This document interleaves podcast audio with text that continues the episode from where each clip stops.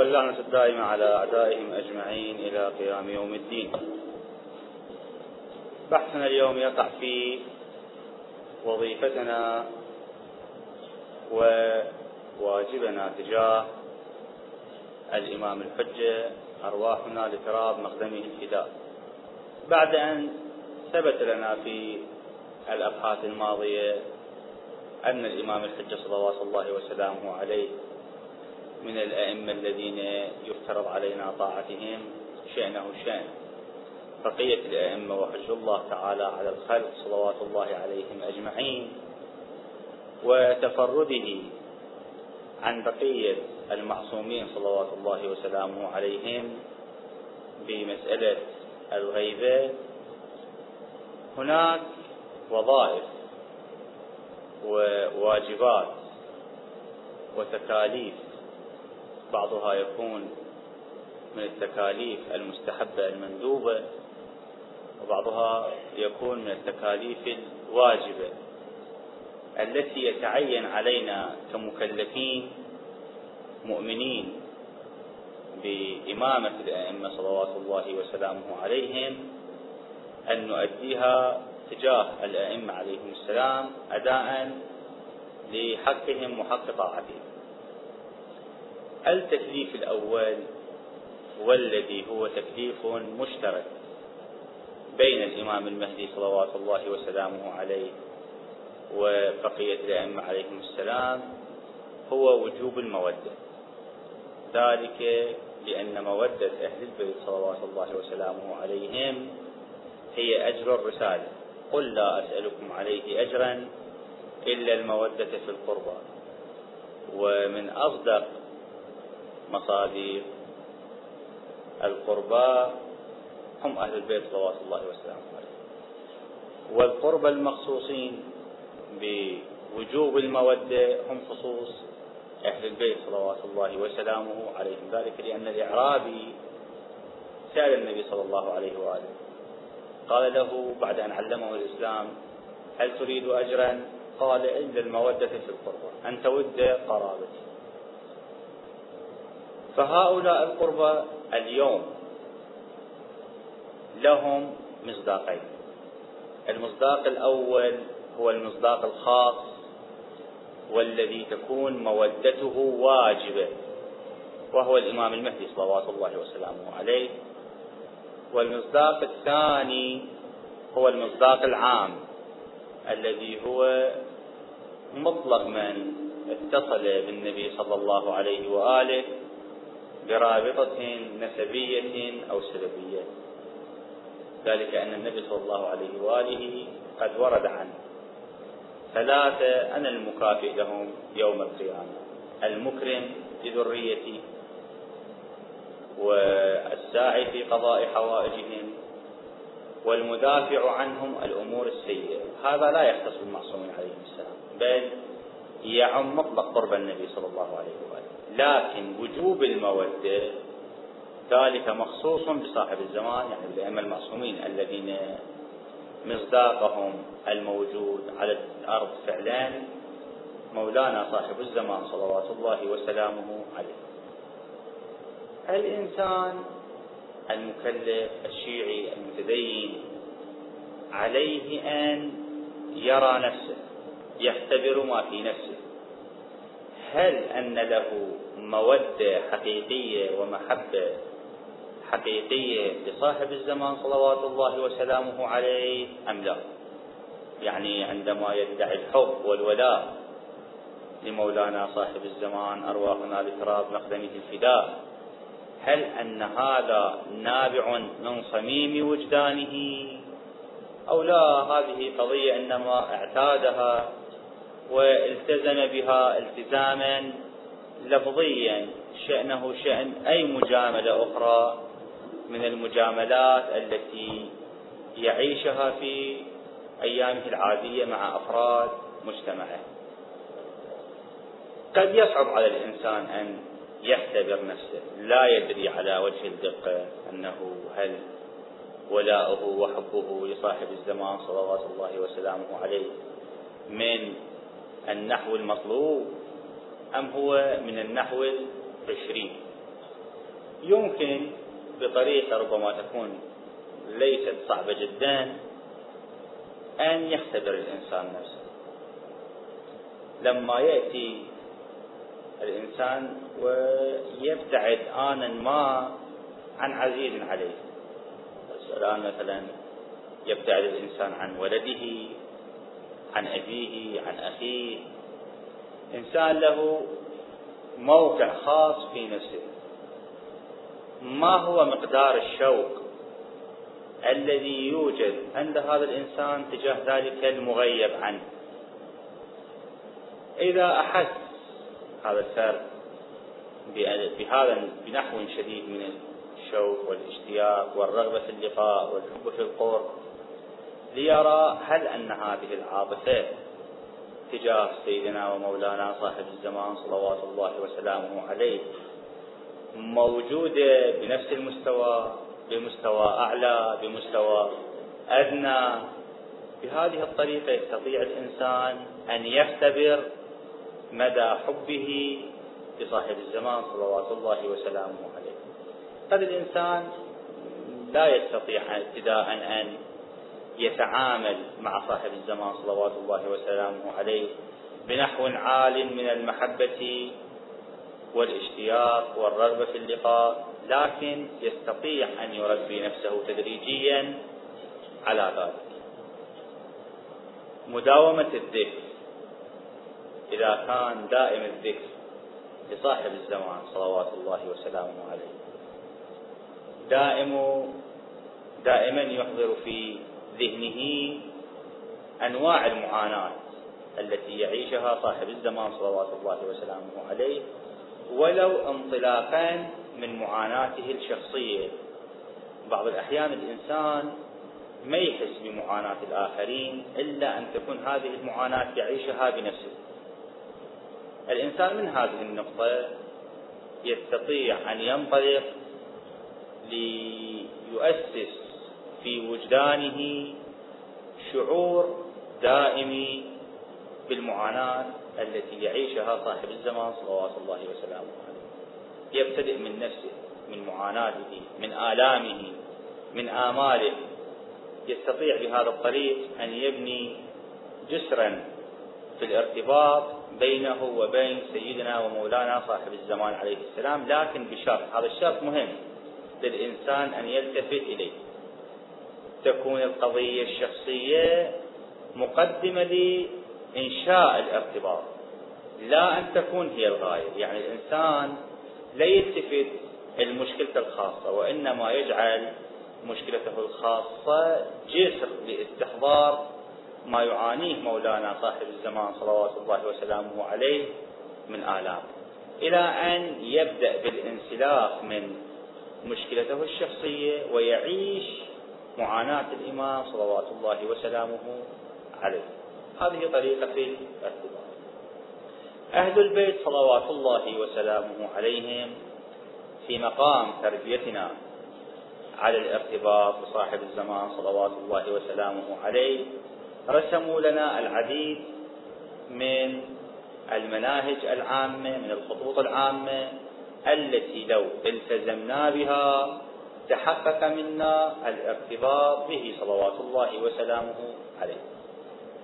أول خطوة هي خطوة مداومة الذكر، ذلك لأنه كما يقولون أن الذي يكون بعيدا عن العين ينساه القلب. لكن هذا طبعا هنا بعيد عن العين لحاظ عرفي وإلا قد الإنسان أعمى يعني ليس له قدرة على البصر لكن لوجود ذلك الإنسان قربه وإحساسه به مع ذلك لا ينساه قلبه فقضية البعد عن العين هي مسألة للبعد عن الحواس مطلقا. يعني من لا تحس بوجوده قد تنساه. فلذا يتعين علينا لكي لا يكون في وجداننا فراغ تجاه صاحب الزمان صلوات الله وسلامه عليه أن يكون هناك مداومة لذكره. أهل البيت صلوات الله عليهم جعلوا لنا عدة برامج. منها الدعاء للإمام صلوات الله وسلامه عليه عقيب كل فريضة. هذا الدعاء المعروف اللهم كن لوليك الحجة ابن الحسن صلى الله عليه وعلى آبائه المعروف بدعاء الفرج. هذا الدعاء إذا داوم عليه الإنسان سيكون له لسانا ذاكرا فيه صلوات الله وسلامه عليه على طول الأيام. في اليوم يردد هذا الدعاء خمس مرات سيعيش حالة من وجود الإمام صلوات الله وسلامه عليه في وجدانه. برنامج آخر لأهل البيت صلوات الله وسلامه عليهم في سبيل تعميق الارتباط بالإمام الحجة صلوات الله وسلامه عليه هو الزيارات المروية التي يستحب للإنسان أن يأتي بها مثلا في الأسبوع مرة. عندنا مثلا في النجف مسجد السهل في الكوفة يستحب زيارته في الأسبوع مرة. في إيران مثلا مسجد جمكران أيضا يندب في زيارته باعتباره من الأماكن التي نسبت للإمام الحجة صلوات التي أمر الإمام الحجة صلوات الله وسلامه عليه ببنائها. في النعمانية في الكوت يوجد مقام منسوب للإمام الحجة صلوات الله وسلامه عليه ووردت به بعض النصوص. هنا في وادي السلام قرب مقر مولانا أمير المؤمنين عليه السلام يعني في المقبرة في وادي السلام يوجد مقام أيضا منسوب للإمام الحجة صلوات الله وسلامه عليه وآخر من قام بعمارته السيد بحر العلوم رضوان الله عليه. ونصت الروايات على أن هذا المكان الذي هو في وادي السلام سيكون محل تعبد الإمام الحجة صلوات الله وسلامه عليه. فإذا هذه أماكن يمكن للإنسان من خلال الحضور فيها وذكر الأدعية والزيارات الواردة فيها من تحقيق ارتباط نحو من أنحاء الارتباط خلينا نسميه الارتباط الأسبوعي بالإمام عليه السلام في الأسبوع مرة. إضافة إلى هذا الأدعية الخاصة التي تقرأ في المناسبات الخاصة مثلا يستحب في كل أسبوع في يوم الجمعة صبيحة يوم الجمعة من كل أسبوع أن يقرأ دعاء الندبة أو أن يزار صاحب الزمان صلوات الله وسلامه عليه بزيارة آل ياسين. هذه كلها برامج مقننة مرسومة من قبل أهل البيت صلوات الله وسلامه عليهم في تعميق الارتباط بالإمام الحجة صلوات الله وسلامه عليه. هذا من جهة الأشياء العامة التي يمكن للمكلف المؤمن أن يؤتي بها بدون كثير معاناة. ما يحتاج الإنسان إلى كثير معاناة في قراءة دعاء الفرج بعد كل صلاة. ولا يحتاج إلى كثير معاناة خصوصا إذا كان مسكنه ومنزله قريب من أحد هذه المناطق الشريفة المساجد الشريفة من زيارتها وقراءة الدعاء أو الزيارة المخصوصة فيها. هناك تكاليف أخرى مستحبات أخرى نص عليها أهل البيت صلوات الله وسلامه عليهم.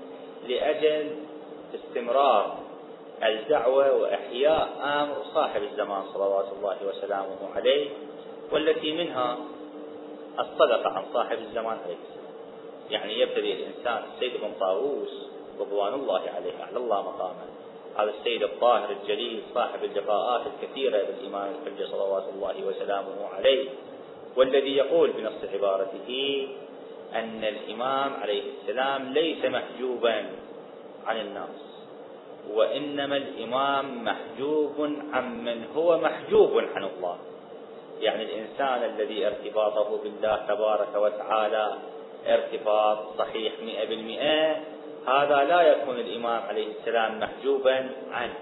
هذه حقيقة حتى أنه في بعض الروايات يقولون أن شخص من أصحاب علم الجف كان يحاول عن طريق هذا العلم معرفة مكان الإمام صلوات الله وسلامه عليه. فتمكن من تحديد المكان الذي سيكون فيه الإمام عليه السلام في يوم من الأيام. فذهب إلى ذلك المكان. فوجد هناك أن امرأة مؤمنة قد ماتت والإمام سلام الله عليه قد حضر لتشييع جنازتها فقال له الإمام صلوات الله وسلامه عليه كونوا مثل هذه حتى نأتيكم بدلا من أن تأتون أنت. ليش؟ تحاول تعرف مكاني حتى تتجشم عناء المجيء. لا تصير مثل هذه في مرتبة هذه المرأة. حينئذ إحنا اللي نجيك. مو بس أنت اللي تجينا لا إحنا اللي نأتيك. فإذا كل ما كان ارتباط الإنسان بالله تبارك وتعالى ارتباط تام وصحيح ومتين وغير مشوب بالشوائب المكدرة للارتباط حينئذ سيكون الإمام صلوات الله وسلامه عليه هو الذي يأتي بل هناك أشخاص لعظم مقامهم وجلالة قدرهم الإمام صلوات الله وسلامه عليه أما أن يأتيهم أو يكون دائم المواصلة معهم. الشيخ المفيد أعلى الله مقامه. الشيخ المفيد رضوان الله عليه كانت كتب الإمام صلوات الله وسلامه عليه تأتيه دائما مع أنه من علماء الغيبة الكبرى يعني مو في فترة الغيبة الصغرى حتى يكون الإرسال إلى عن طريق السفراء الأربعة رضوان الله عليهم أجمعين. لا الشيخ المفيد أعلى الله مقامه كان من علماء القرن الرابع الهجري فكان في فترة الغيبة الكبرى لكن مع ذلك كانت الرعاية الدائمة لمولانا صاحب الزمان صلوات الله وسلامه عليه مصبوبة على هذا الشيخ الجليل حتى كان له من المقام ما كان وله رسائل كثيرة يبتديها الإمام صلوات الله وسلامه عليه. أن الإنسان هو يريد الرسالة للإمام فالإمام يجاوب على رسالته. وأخرى لا الإمام صلوات الله وسلامه عليه هو الذي يبتدئ بإرسال الرسالة. فهذا فارق كبير بين المقامين. الإنسان خلي يصير مثل الشيخ المفيد على الله مقامه حينئذ تترى عليه رسائل صاحب الزمان صلوات الله وسلامه عليه. فإذا من التكاليف الأولى والمستحبة ابتداء هو قضية الصدقة عن الإمام صاحب الزمان صلوات الله وسلامه عليه السيد ابن طاووس رضوان الله عليه كان يوصي ولده. يقول له تصدق عن صاحب الزمان قبل أن تتصدق عن نفسك وعيالك لأنه ولي نعمتك. الإمام صاحب الزمان صلوات الله وسلامه عليه هو ولي نعمتنا. لأنه كما مر بنا في الأبحاث السابقة لو ارتفع الإمام صاحب الزمان صلوات الله وسلامه عليه عن الأرض لانتهى هذا الوجود الأرضي. يعني إحنا في كل لحظة من لحظات حياتنا على هذا الكوكب مدينون لصاحب الزمان صلوات الله وسلامه عليه مدينون لهذا الوجود المقدس لهذا الوجود المبارك. فإذا ابتداء كما هو مندوب ومستحب أن يتصدق الإنسان عن الإمام صاحب الزمان صلوات الله وسلامه عليه بدفع, بدفع البلاء عنه ودفع الأذى عنه صلوات الله عليه. كذلك من المستحبات الدعوة إلى إحياء ذكراه صلوات الله وسلامه عليه. هذا فيه تكليف عام وتكليف خاص. أما التكليف العام أو الندب العام والاستحباب العام لما ورد عن الإمام الصادق صلوات الله وسلامه عليه أحيوا أمرنا رحم الله من أحيا أمرنا. وإحياء أمر صاحب الزمان صلوات الله وسلامه عليه هو عين إحياء أمره. هذا بالنسبة للناحية العامة. أما الناحية الخاصة فعين مسألة إحياء أمر صاحب الزمان صلوات الله وسلامه عليه وتثبيت هذه العقيدة في قلوب الناس أمر مندوب إليه بخصوصه. يختلف من مجتمع إلى آخر من محل إلى آخر من مكان إلى آخر. الطريقة التي يحيى فيها ذكر صاحب الزمان عليه السلام. بعضها لربما تكون بعقد الأمسيات الأدبية المناسبات الأدبية. بعضها لا قد يكون بعقد المجالس الحسينية التي في الأثناء يتم فيها التطرق لقضية الإمام صاحب الزمان صلوات الله وسلامه عليه. بعضها لا ربما في مجالس الجلسات الخاصة والحديث الخاص.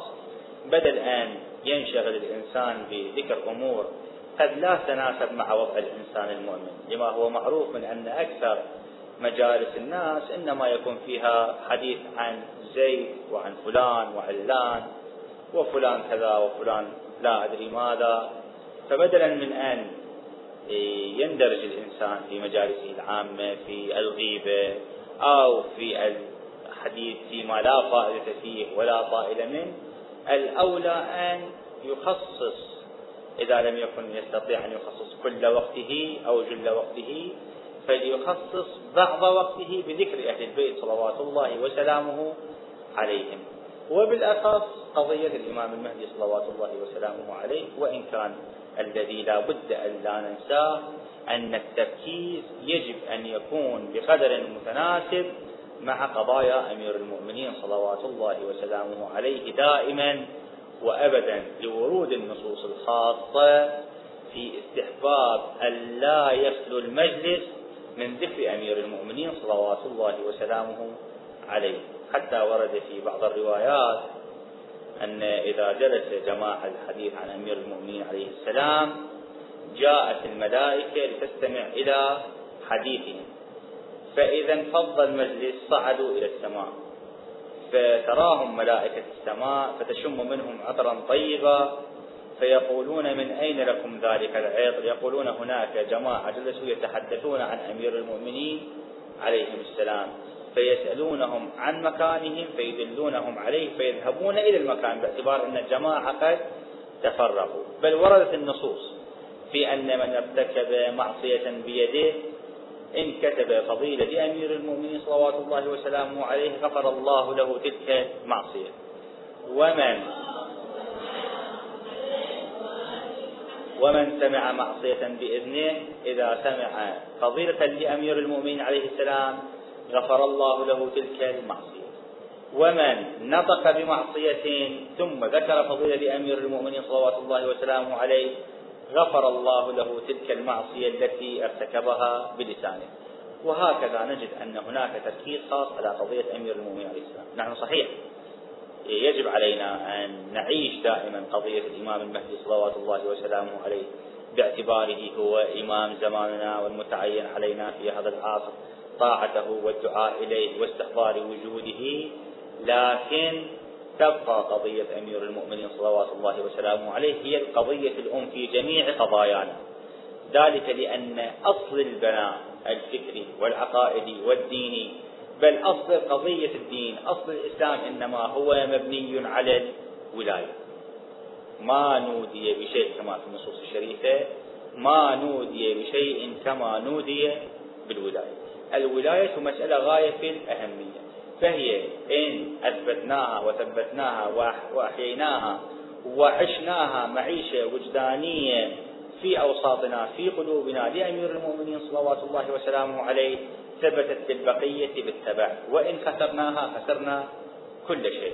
أمير المؤمنين صلوات الله وسلامه عليه في الروايات أنه قسيم الجنة والنار. فحينئذ نحن ابتداء يجب أن تكون روابطنا المتينة بأمير المؤمنين صلوات الله وسلامه عليه ثم تنتقل هذه الروابط تبعا لأبنائه صلوات الله وسلامه عليهم أجمعين. فإذا نحن مندوبون مسؤولون عن قضية إحياء ذكرى أهل البيت صلوات الله وسلامه عليهم دائما بشتى الوسائل والطرق. لحد الآن ما تحدثنا به من تكاليف تجاه صاحب الزمان صلوات الله وسلامه عليه هي على الصعيد الشخصي. الإنسان بعد الصلاة يدعو للإمام عجل الله تعالى فرجه الشريف. الإنسان يتصدق من ماله صاحب الزمان صلوات الله وسلامه. الشعور بالأسى والألم للبعد عن صاحب الزمان صلوات الله وسلامه عليه. هذه أيضا بمجملها من التكاليف الخاصة بالفرد. هناك تكاليف عامة يعني هناك مسؤولية عامة هناك طريقة عامة لا بد من مراعاتها في الدعوة إلى صاحب الزمان صلوات الله وسلامه عليه والتي منها إحياء مجالس الذكر العامة لإحياء ذكرى الإمام الحجة عجل الله تعالى فرجه الشريف. نحن في قضايا الإمام الحسين صلوات الله وسلامه عليه في قضايا أمير المؤمنين الزهراء صلوات الله عليها بقية الأئمة عليهم السلام. هناك نشاط اجتماعي عام في إحياء ذكرى مثلا في أيام عاشوراء في أيام شهادة أمير المؤمنين أيام شهادة الزهراء عليه السلام. هناك نشاط عام في إحياء ذكرى هذا النشاط العام أيضا مطلوب في إحياء مناسبات وذكرى الإمام الحجة صلوات الله وسلامه عليه. لما الإمام الحجة صلوات الله وسلامه عليه من الناحية التأريخية ليس لنا إلا تأريخ ولادته فحينئذ في الخامس عشر من شعبان يستحب لنا إحياء المناسبات الخاصة بالإمام صاحب الزمان صلوات الله وسلامه عليه. طبعا هناك نحو عام متحقق فعلا متحقق سابقا وهو قضية مجيء الناس من مختلف مناطقهم لزيارة الإمام الحسين صلوات الله وسلامه عليه لما ورد من الاستحباب الخاص في زيارة الإمام صلوات الله عليه في الخام في منتصف شعبان. هنا أيضا هذه المناسبة بما فيها من خصوصيات أحد خصوصياتها أن هذه الليلة هي ليلة المولد المبارك لمولانا صاحب الزمان عجل الله تعالى فرجه الشريف فالمفروض بنا في هذه الليلة الذي لا يستطيع أن يقوم بنشاط عام على الأقل يؤدي وظيفته الخاصة. أما القادر على إحيائها المستوى العام الأفضل أن يباشرها بالمستوى العام لأن مسألة الإحياء في الإطار العام ستكون أوسع وآكد وأشد. كذلك من تكاليفنا المطلوبة أن آه، نركز في أوساط المجتمع الحب للإمام الحجة صلوات الله وسلامه عليه. ذلك هناك مسألة غاية في الحساسية وهي كيف نربي الأجيال؟ الأب كيف يربي أبنائه؟ الأم كيف تربي أبنائها؟ الأخ كيف يربي أخوته؟ على الحب لصاحب الزمان صلوات الله وسلامه عليه. الطريقة التربوية جدا. ذلك لأنه لما يأتي أنا أتخطر في المثال أذكر لكم مثال من الحس حتى يكون الصورة جدا واضحة. طفل صغير كان إذا يريد يسوي شيء يؤذي أهله يقول له لا لا تسوي الشكل لأن الله ما يحب. فهذا في اليوم قال العمة قال له عمو ليش هالشكل الله يأذينا شنو نريد نسوي؟ الله ما يحب الله ما يحب فما يصير هالشكل. هذه الطريقة التربوية طريقة غلط. المفروض بنا ابتداء أن نركز في النفوس المحبة. نجي للإنسان كطبيعة إنسانية. هذا الإنسان شنو يحب؟ هذا الطفل الصغير لما نريد نركز به قضية الحب لشخص ما كيف نركز به قضية الحب؟ هاي نبدأ وياه بالأمور البسيطة إلى أن نصل به إلى الأمور الكبيرة بحيث يتمكن لما ينضج أن يستطيع حب أهل البيت صلوات الله وسلامه عليهم وحب الإمام صاحب الزمان عليه السلام حبا مجردا حبا طاهرا حبا نقيا. ابتداء لربما الإنسان إذا جبت هدية للطفل بمناسبه ولاده صاحب الزمان عليه السلام.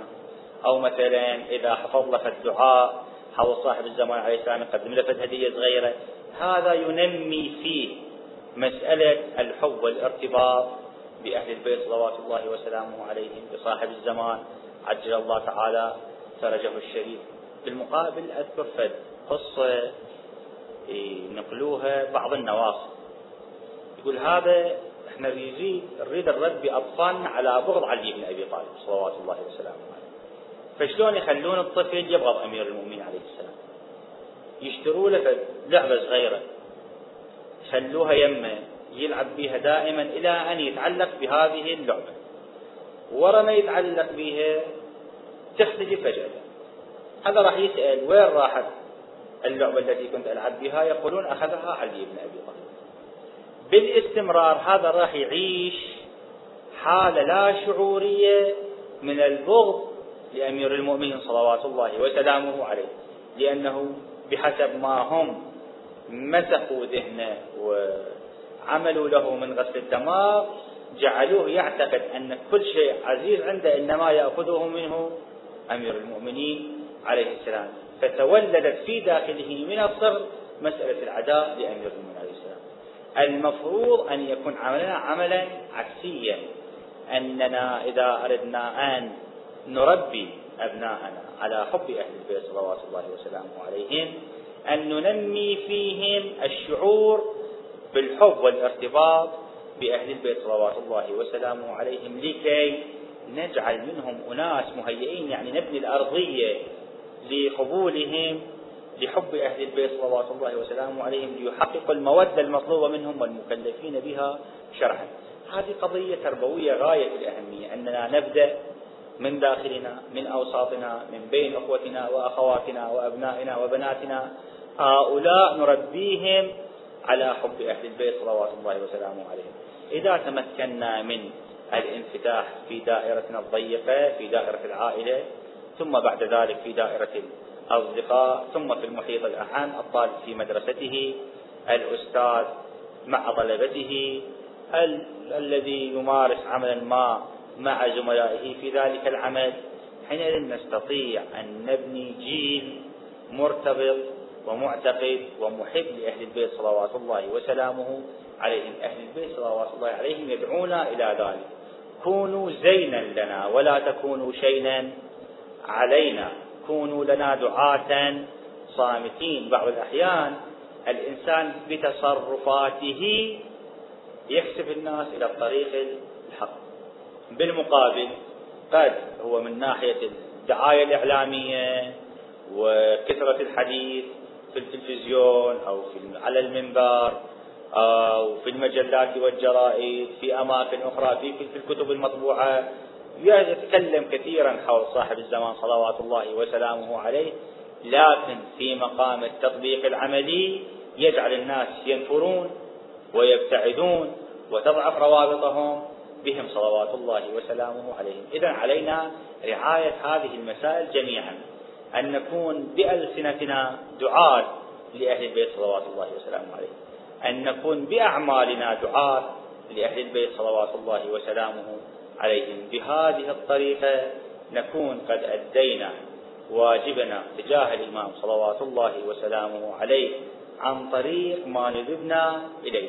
اللي يحب أكثر يطلع على المسائل التي ندب إليها المؤمنون في رعاية آه، في طريقة التعامل مع آه، الإمام المهدي عجل الله فرجه الشريف والمسؤولية التي في عواتقنا تجاهه صلوات الله وسلامه عليه يمكنه مراجعة كتاب وظيفة الأنام في زمن غيبة الإمام للميرزا محمد تقي الأصفهاني رضوان الله عليه. وهذا الكتاب قد طبع مؤخرا في مركز الدراسات التخصصية في الإمام المهدي عجل الله تعالى فرجه الشريف. وهذا الكتاب قد ضمنه المؤلف جملة من التكاليف التي هي في عهدة المكلفين تجاه صاحب الزمان عجل الله تعالى فرجه الشريف. نأتي هذا إلى ختام بحثنا والحمد لله رب العالمين وصلى الله على سيدنا محمد وآله الطيبين الطاهرين.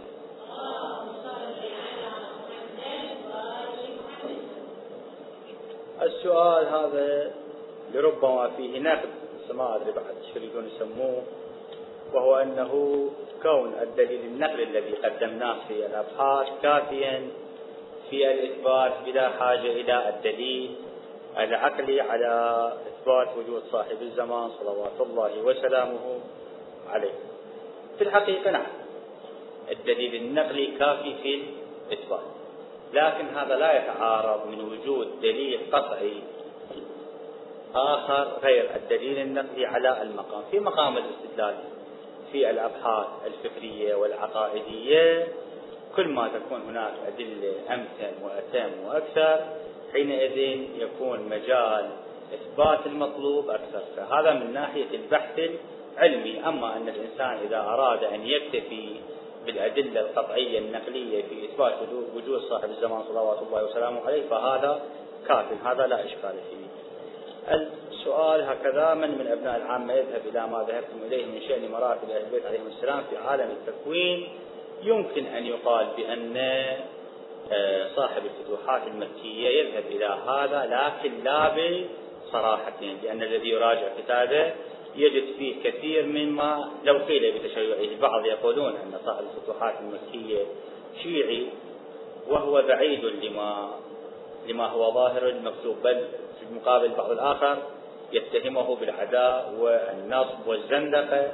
على أي حال بغض النظر عن الرأيين في الرجل الرجل نشأ في مصر وهو رجل سني لكن هو باعتبار ما يذهب إليه من آه، وجود مراتب وجودية وكمالات وجودية. المفروض أنه يذهب إلى هذا لكن لا بالصراحة يعني لربما المتابع لا يستطيع أن يستكشف أن آه، صاحب الفتوحات له هذا الرأي لكن المعروف بين العرفاء بين أصحاب المسلك العرفاني هو ثبوت هذه المراتب. لذلك هم يذهبون يعني أصحاب المسلك العرفاني المتصوفة إلى أن العالم لا بد له من قطب وهذا القطب هو الذي يكون عليه مدار وجود العالم.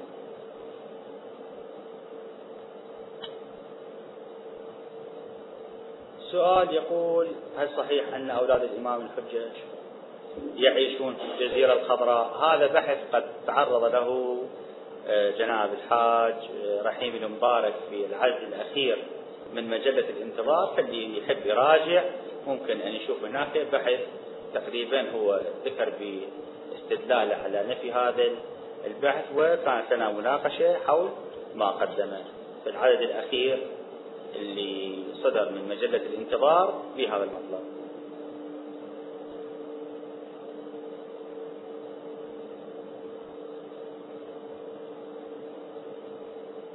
هل يتعلق الخمس براتب الموظف على على أساس كونه من أرباح؟ بل كل مال يدخل في الملك يتعلق به الخمس.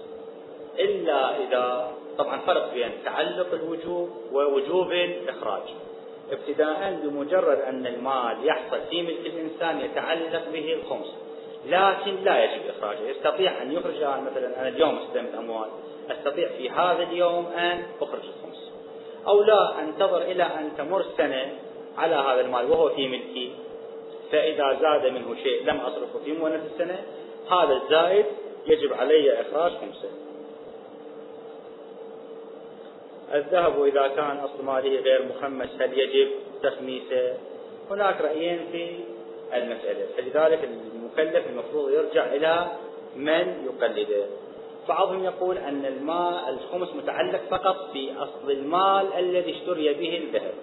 لنفرض أن الإنسان عنده مليون دينار هذا المليون دينار اشترى بها ذهب. ما مخمسة. فعلى هذا الرأي خمس فقط المليون. يعني الذهب ما يخمسه يخمس فقط المليون. الرأي الآخر لا. يقول بأن هذا أصل المال وما اشتري به يتعلق به الخمس يعني يأتي إلى هذا الذهب ويخرج الخمس منه فحينئذ على المكلف أن يراجع آه، من يقلده من المجتهدين لكي يعرف ما هو ما هي فتواه في هذه المسألة. قد ذكرت رفعة الحاجة فما هي؟ هذه فد آه، رسالة خاصة تكتب للإمام الحجة عجل الله تعالى فرجه الشريف يطلب منه فيها في أن يقضي حاجة ذلك الإنسان المحتاج وهذه نصوص الرقع موجودة في جملة من الكتب التي منها كتاب النجم الثاقب للعلامة النوري في بحار الأنوار. آه، بحار الأنوار من ثلاث أجزاء مختصة بالإمام الحجة جزء 51 و 52 و 53 هناك أيضا قد ذكرت بعض هذه الرقاق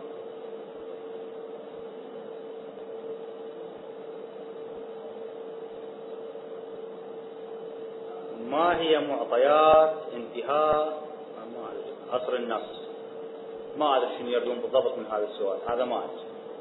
فهذا يكون السؤال يكون واضح لأن هذا السؤال عليه غام وكيف نكشف زيف الدعاوي الباطلة في زمن الغيبة الكبرى؟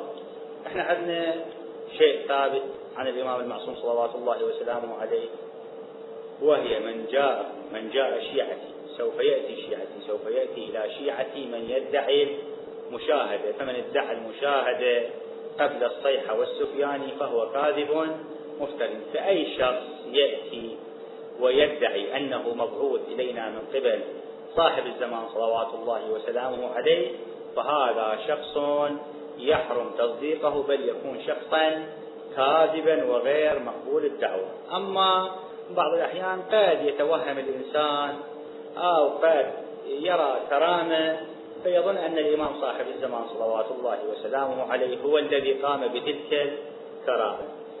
هنا الناس على عدة أنحاء. بعضهم معلوم أنه كاذب هذا بعد تصديقه في مدعياته صعب بعضهم لا نعرفه ما ندري صادق مو صادق من عرفه شخص من عرفه. حينئذ يصعب التصديق خصوصا مع هذا العصر اللي فيه الناس أصبحت تدعي الكثير من الدعاوى في سبيل غايات متعددة بعضهم لأسباب سياسية بعضهم لأسباب اجتماعية بعضهم لأسباب مادية يدعون ادعاءات مختلفة. والقسم الثالث هو القسم الذي نقطع يقينا بأنه صادق في حديثه. مثل هذا في هج ادعاء في هج كرامة. مو أن الإمام سلام الله عليه بعثني لكم لتفعلوا كذا. لا مثل هذا لا يصدق. لكن بربما مريض شفاه الإمام الصادق عليه السلام. الإمام الحجة عجل الله تعالى فرجه الشريف. أو محتاج. قضى الإمام الحجة عجل الله تعالى فرجه الشريف حاجته. مثل هذا ممكن ووارد ومتحقق في أزمان متعددة وعلى أيدي جميع الأئمة عليهم السلام. حتى بعد وفاتهم أنا أذكر من باب الشيء الشيء يذكر. عجوز يمنى الله يرحمه. هذه راحت الإمام الرضا عليه السلام. الحادث أيام عبد الكريم قاسم. قبل يعني قبل الجمهورية. آخر أيام الملكية.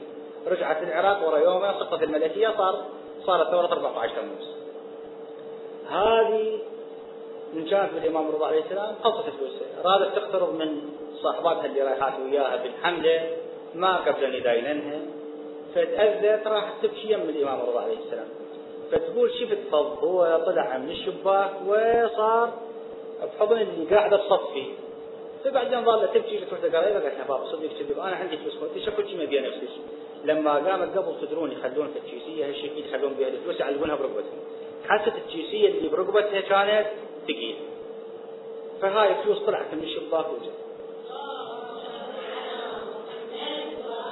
هذه العجوز الله يرحمها أنا أقطع قطعا يقينا ومستعد أحلف أنه حكيها كلش صحيح. لمعرفة الخاصة بها حكيها كلش صحيح مو من أهل الادعاءات مو من أهل الكذب. أصلا ما كانت تحكيها دائما. نادرا ما تذكر هذا الحديث. فمثل هيك إنسان هو نطمئن بكلامه. وإذا صار الإمام الرضا عليه السلام يسويه فالإمام صاحب الزمان صلوات الله وسلامه عليه أيضا هو اليوم كل العالم الامكاني يدور مدار إراداته. فهذا من هذا الباب مع الإنسان الذي نضمن منه الصدق وعدم الكذب والذي لا يحاول من خلال ادعاء هذه الكرامات أن يوجد لنفسه مكانا خاصا مثلا ما قضية سياسية أو اجتماعية أو مادية أو ما شابه هذا لا مانع منه إلا اللهم هذا الذي يدعي مع وجود ما يجعل جانب التكذيب فيه قويا حينئذ مثل هذا المفروض ما يقبل قوله. من هما بشير ونذير؟ هذا من سؤالات المسابقة. وبشير ونذير دول اللي يكون من جيش السفياني بعد الخيس ما معنى أن المعلول لا يتخلف عن علته وأن لا يستلزم ذلك أن يكون هناك قديمين؟ لا. أولا معنى أن المعلول لا يتخلف عن علته يعني متى ما وجدت العلة التامة يجب وجود المعلول. مثلا العلة التامة يقولون فيها ثلاثة أجزاء. الجزء الأول وجود المقتضي الجزء الثاني وجود الشرط والجزء الثالث عدم المانع. مثلا الورقة والنار. الورقة متى تحترق؟ إذا كانت الورقة اقتضاء لأن تحترق. إذا جبنا مي ونريد نخليه على النار مهما كان درجة حرارة النار ما يحترق. نعم يتحول من حالة سائلة إلى حالة غازية يتحول إلى بخار. لكن أن يشتعل الماء الماء لا يشتعل. لماذا؟ لأن لا يوجد فيه اقتضاء للاحتراق. أما الورقة ففيها اقتضاء للاحتراق. فالأول هو وجود المقتضي الثاني وجود الشر. الشر في الاحتراق أن تكون هناك مماسة أن الورقة تكون مماسة للنار فتم فمتى ما مست الورقة النار؟ المفروض أنها تحترق. هذا الجزء الثاني. الجزء الثالث هو عدم المانع. الرطوبة مانع من الاحتراق. هذه الورقة إذا كانت مبللة بمي ونجيبها يم النار مع أنه الورقة فيها المقتضي. والشرط موجود وهو المماسة إلا أنه بسبب وجود الرطوبة هذه الورقة لا تحترق. إذا اكتملت هذه الأمور الثلاثة وهو وجود المقتضي ووجود الشرط وعدم المانع حينئذ يتحقق المعلول وهو الاحتراق. لكن لا يستلزم من ذلك وجود قديمين. لماذا؟ لأن الموجود ابتداء يجب أن يكون العلة العلة متقدمة وجودا على معلولها فمتى ما وجدت العلة وجد المعلول نعم. لربما هذا إذا أراد أن يشكل صاحب السؤال في أنه إذا كانت العلة موجودة حينئذ يجب المحلول فالله عز وجل موجود وهو قادر على أن يخلق فيوجد الخلق. هذا الكلام يتم فيما إذا كانت العلة علة غير مختارة. يعني علة مجبرة مثل النار. النار مجبورة على الإحراق. مو كيف النار. مرة تحرق ومرة ما تحرق. لا متى ما وجد المقتضي اللي ورقة وجد الشرط المماثل ارتفع المانع الرطوبة احترقت الورقة. النار ما عندها اختيار. أما الله عز وجل فهو فاعل مختار. إن شاء فعل وإن شاء لم يفعل. فلا يلزم من ذلك وجود القديمين أن النفس موجود لا يفنى بل تنتقل من الحياة الدنيا إلى الحياة الآخرة. ألا يستلزم من ذلك أن يكون هناك دائمين.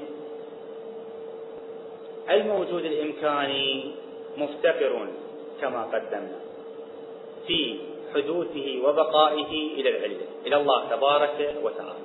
والعلة علة مختارة. إن شاء الله عز وجل أعدم كل الموجودات تنعدم وتنتهي إلى جانب العدم. وإن شاء أبقاها حية فالأمر مقرون به الأمر راجع إليه. إذا الله عز وجل يريد أن يبقى هذا الوجود الإمكاني وإلى الأبد لا يتعرض إلى الفناء وإنما حالة من حالات الانتقال. كنا في عالم الذات ثم أصبحنا في عالم الدنيا. بعد عالم الدنيا ننتقل إلى عالم البرزخ. بعد عالم البرزخ نعيش يوم القيامة. بعد يوم القيامة إلى الجنة أو النار. نسأل الله عز وجل أن يجيرنا من النار. وهناك الحياة الأبدية. هذه قضية آه، اختيارها بيد الله تبارك وتعالى. نعم. الوجود الدائمي موجود لكن ليس وجودا يعني الوجود الدائمي للممكن. الوجود الدائمي والأبدي للممكن متحقق لكن لا مع الاستقلال عن الله تبارك وتعالى بل مع بقاء الافتقار إلى الله عز وجل. فلو شاء الله عز وجل أن يعدم ذلك الموجود الإمكاني أعدمه وانتهت مسألة الدوام. لكننا نقول بأن هذا الوجود الإمكاني دائم. باعتبار أن الله تبارك وتعالى قد وعد بذلك خالدين فيها أبدا لأن الله قال وإلا لو ما الله يقول خالدين فيها أبدا ما عندنا دليل على أنه إحنا بعد هاي الحياة الدنيا راح نستمر في وجود آخر.